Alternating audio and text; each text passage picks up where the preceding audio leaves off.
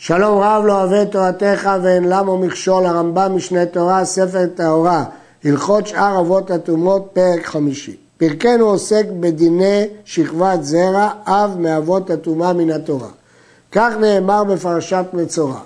ואיש כי תצא ממנו שכבת זרע, ורחץ במים את כל, שכבת זרע, ורחץ במים את כל בשרו וטמא עד הערב. וכל בגד וכל עור אשר יהיה עליו שכבת זרע, וכובס במים וטמא עד הערב. ואישה אשר ישכב איש אותה שכבת זרע, ורחצו במים וטמאו עד הערב. זאת תורת הזב אשר תצא ממנו שכבת זרע לתום הבא. טומאת שכבת זרע נחלקת לשלושה דינים. טומאת הנוגע בשכבת זרע, טומאת מי שיצאה ממנו שכבת זרע, טומאת אישה שנבעלה בעילה שהיה בה הוצאת שכבת זרע. כל שלושת הטומאות האלה מפורשים בתורה, מפורשות בתורה. א', שכבת זרע אב מאבות הטומאות. מטמאה אדם וכלים במגע וכלי חרס באוויר, ואינה מטמאה במסע. ואין המטמא בה מטמא בגדים בשעת מגעו. ואחד הנוגע בה, או הרואה אותה מבשרו, שיצאה ממנו, שניהם ראשון לטומאת דין תורה. כיוון שהיא אב, הרואה אותה והנוגע בה הוא ראשון. וכמה שיעורה? לנוגע בחדשה, ולרואה בכל שהוא. ואין הרואה טמא עד שתצא ממנו ויחתום פי אמה, שנאמר אשר תצא ממנו שכבת זרע, ונאמר או החתים בשרו. המפרשים מקשים, משיגים על הרמב"ם. לכאורה אלה שני שיעורים שונים. אם הרמב"ם פסק שזה כלשהו, כיצד הוא פוסק אחר כך כדעת האומר שזה כחתימת פי האמה? מסביר הריטב"א שמה שכתוב ויחתום פי האמה אין הכוונה כמו הראשונים שזה שיעור, אלא צריך שהזרע יחתום את פי האמה. כלומר, השיעור הוא כלשהו, אבל התנאי שהוא יחתום את פי האמה בשביל שהוא יטמא. לפיכך, אפילו ראה בקסם, הואיל והגיע לפי אמה, נטמע. ואחד הרואה מחמת בשרו הרואה באונס, הרי זה טמא. אין פה הבדל אם הראייה היא מחמת אונס או מחמת אה, רצון. בשני המקרים טמא. הדין של קסם התקשו בו מאוד המפרשים, אבל לפי הרמב"ם הכוונה שלמרות שהוא לא ממלא את כל חלל הנקב ולחלק בקסם הוא טמא כי סוף סוף זה הגיע לפי האמה. אין שכבת זרע של קטן מטמאת שיהיה בין תשע שנים ויום אחד. זו הלכה למשה מסיני שבין פחות מתשע שנים אין ביאתו ביאה. שכבת זרע אדומה טהורה עד שתהיה לבנה ונמשכת. גמרא בנידה לומדת שזאת ההגדרה של שכבת זרע. וכל שכבת זרע שאין כל גופו של האדם מרגיש בה, אינה מטמאה. לפיכך אם ראה בלא קישוי ולא תאווה, אינה מטמאה משום שכבת זרע. אם זו הפרשה שהיא לא כוללת קישוי ותאווה, היא לא נחשבת לשכבת זרע שמטמאה. נעקרה בהרגשה, אף על פי שיצאת שלו בהרגשה טמאה, כי סוף סוף בשעת העקירה הייתה הרגשה. מקורו של הרמב"ם בסוגיה בנידה. הובאו שם שלוש לשנות בשם שמואל. הראשונה, שצריך בהרגשה בשעת העקירה, אך לא בשעת היציאה. לפי האמצעי צריך גם בשעת היציאה. לפי לישנא בתרא, לשון אחרונה, אין דין בכלל הרגשה לעניין טומאה. הרייבד משיג על הרמב"ם, יש כלל של הגאונים, שהרמב"ם גם הוא הולך תמיד כך, שפוסקים כמו לשנה בתרא, לשנה האחרונה. אמנם הרמב"ם לא פסק בו כלשנה האחרונה, כי מהסוגיה שם מוכח שרבן לא סבר כמו הלשון הזאת. אמנם, בדברי הרמב"ם בהקדמה לפירוש המשנה לסדר טהרות, אנו למדים ששם הוא סבר בתחילת ימיו שהלכה כלשנה בתרא, והוא כותב שם, ואין מתנאיו של טומאת שכבת זרע, הקישוי והנאה, כמו שהתבהר בגמר הנידה. אז אם כן, בפירוש כותב הרמב"ם שם שהדין הזה של טומאת שכבת זרע לא זקוקה והנאה, אבל ביד החזקה הוא חזר בו, פסק כלשנה ראשונה שצריך את הדבר הזה. הלכה ה' המערער בלילה וראה ששימש מיטה בחלום ועמד ומצא בשרו חם, אף על פי שלא מצא שכבת זרע, הרי זה טמא, כיוון שהרגיש ששימש בחלום. כבר ראה בהרגשה, ברור שהוא ראה, ולפיכך מצא בשרו חם.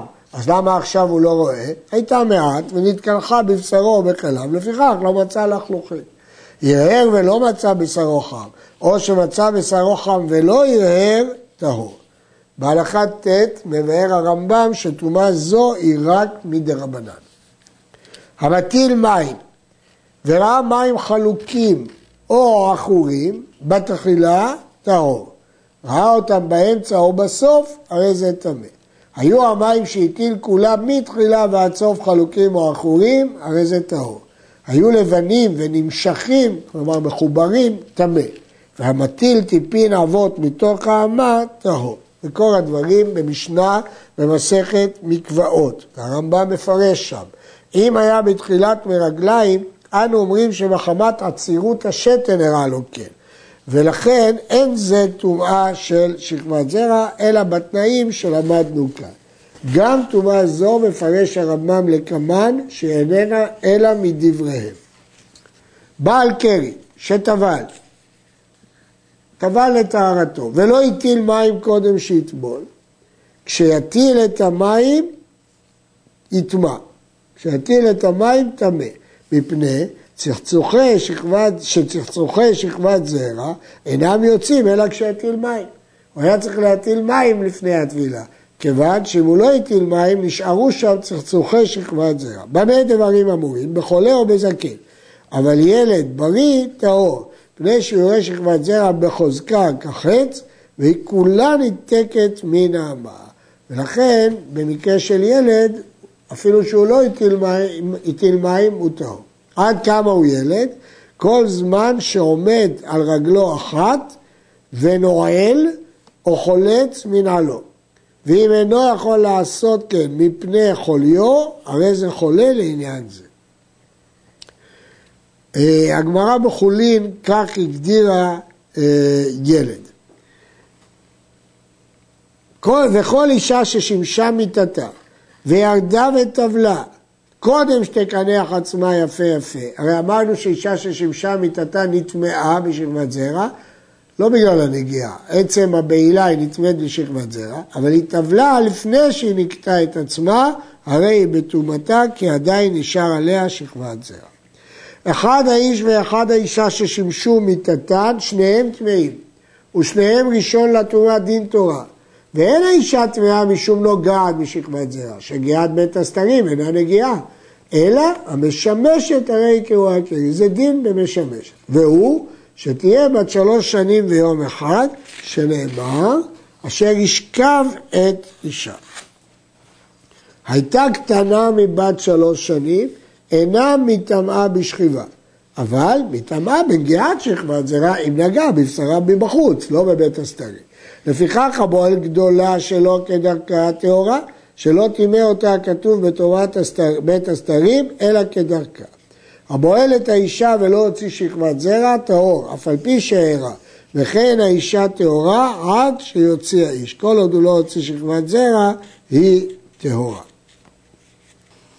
האישה שפלטה שכבת זרע, אם פלטה אותה בתוך שלוש עונות, ובהמשך נלמד מה זה עונות, הרי היא טמאה כרואה קרי, כמו איש שראה קרי. ומטמאה היא טמאה כרואה קרי, לפיכך סותרת יום אחד אם הייתה זבה, כאיש שראה קרי. ומטמאה בכל שהוא. אף על פי שלא יצאת לחוץ, אלא נעקרה והגיעה לבין השיניים, נטמעה. שהרי שכבת זרע כדמה, מה דמה מטמא בפנים, אף שכבת זרע שתפלוט, תטמא אותה בפנים. שכבת זרע עצמה שנפלטה בתוך השלוש עונות, מטמא אחרים שנגעו בה, כדרך שטמאה אישה שפלטה אותה, גם את האישה עצמה וגם מי שהיגע בה.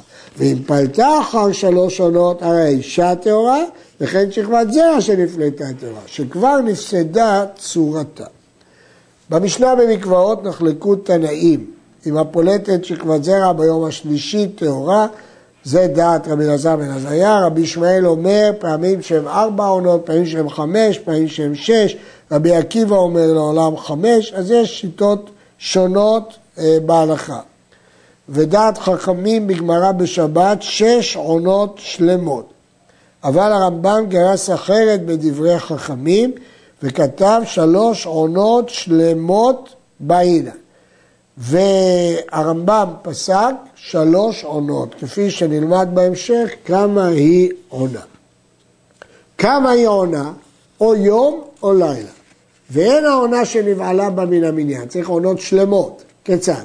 נבעלה בלילי שבת, שלוש עונות שלה, שאם תפלוט בהן תהיה טמאה, יום השבת וליל אחד בשבת, כלומר מוצאי שבת, ואחד בשבת, יום ראשון. ואם פלטה בתוך זמן זה, טמאה. פלטה מליל שני והלאה, טהורה. והאישה שפרשה ממנו שכבת זרע, אפילו לאחר כמה עונות, הרי זאת טמאה. לא שהיא לא נפלטה מהאישה, אלא פרשה מן האיש, פה זה לא תלוי בשלוש עונות. כל זמן שהיא לקחה ופורשת ממנו, טמא. שכבת זרע אינה מטמאה אלא כשהיא לקחה, יבשה כחרס, טהורה. ואם יכולה להישרות מעת לעת בפושים ולחזור לכמות שהייתה, הרי זאת טמאה. כבר ביארנו בפרק זה שהרואה קרי והאישה ששכב איש אותה שכבת זרע והנוגע בשכבת זרע טמאים מן התורה. וכן האישה שפלטה בתוך שלוש עונות, הרי היא טמאה מן התורה כרואה קרי. אבל שאר האמורים בפרק זה שהם טמאים, כגון מערער ומטיל מים, אינם טמאים אלא מדבריהם. ולא גזרו עליהם תרומה אלא לתרומה, אבל לחולין טהורים. אז הדין שאמרנו שמטיל מים או מערער בלילה ומצא בשרו חם זה רק תרועה מדרבנן ורק אם הם נגעו בתרומה. נוכרית שפלטה שכבת זרע של ישראל בתוך השלוש עונות וכן בהמה שפלטה שכבת זרע של ישראל בתוך זמן זה הרי אותה נפלטת צמאה. מדוע? כי סוף סוף השכבת זרע היא של ישראל. פלטו לאחר זמן זה, הרי ספק נסרחה או עדיין לא נסרחה. למה? למה בישראל אמרנו שהיא נסרחה ופה לא? אומרת הגמרא, ישראל דדאיגה במצוות, חרדים על המצוות, חביל גופיים. נוכרים דלא דאיגה במצוות, לא. או גרסה אחרת, או דעה אחרת, כיוון שמוכלים שקצים ומומסים, חביל גופיים. ולכן זה ספק. כבר באנו בהלכות לטמא משכב ומושב, ששכבת זרעו של נוכרי טהורה מכלום. לפיכך בת ישראל שפלטה שכבת זרע של נוכרי, אפילו בתוך שלוש עונות, הרי היא טהורה. גוי שהרגיש ונתגייר וירד וטבל ויצא ממנו שכבת זרע שהרגיש מאחר שטבל, הרי זה ספק טמא. כי מצד אחד הוא הרגיש כשהוא היה גוי, ושכבת זרע של גוי טהורה, מצד שני היא יצאה ממנו אחר שהוא יהודי, ואז היא טמאה, לכן הוא ספק טמא. גדולה, ששכב אותה קטן פחות מבין תשע שנים, או נוכרי או בהמה, הרי זו טהורה. שנאמר, ואיש אשר ישכב את אישה, עד שיהיה שוכב איש ומישראל כמו שביארנו. יש להעיר שהפסוק הוא, ואישה אשר ישכב איש אותה. עד כאן.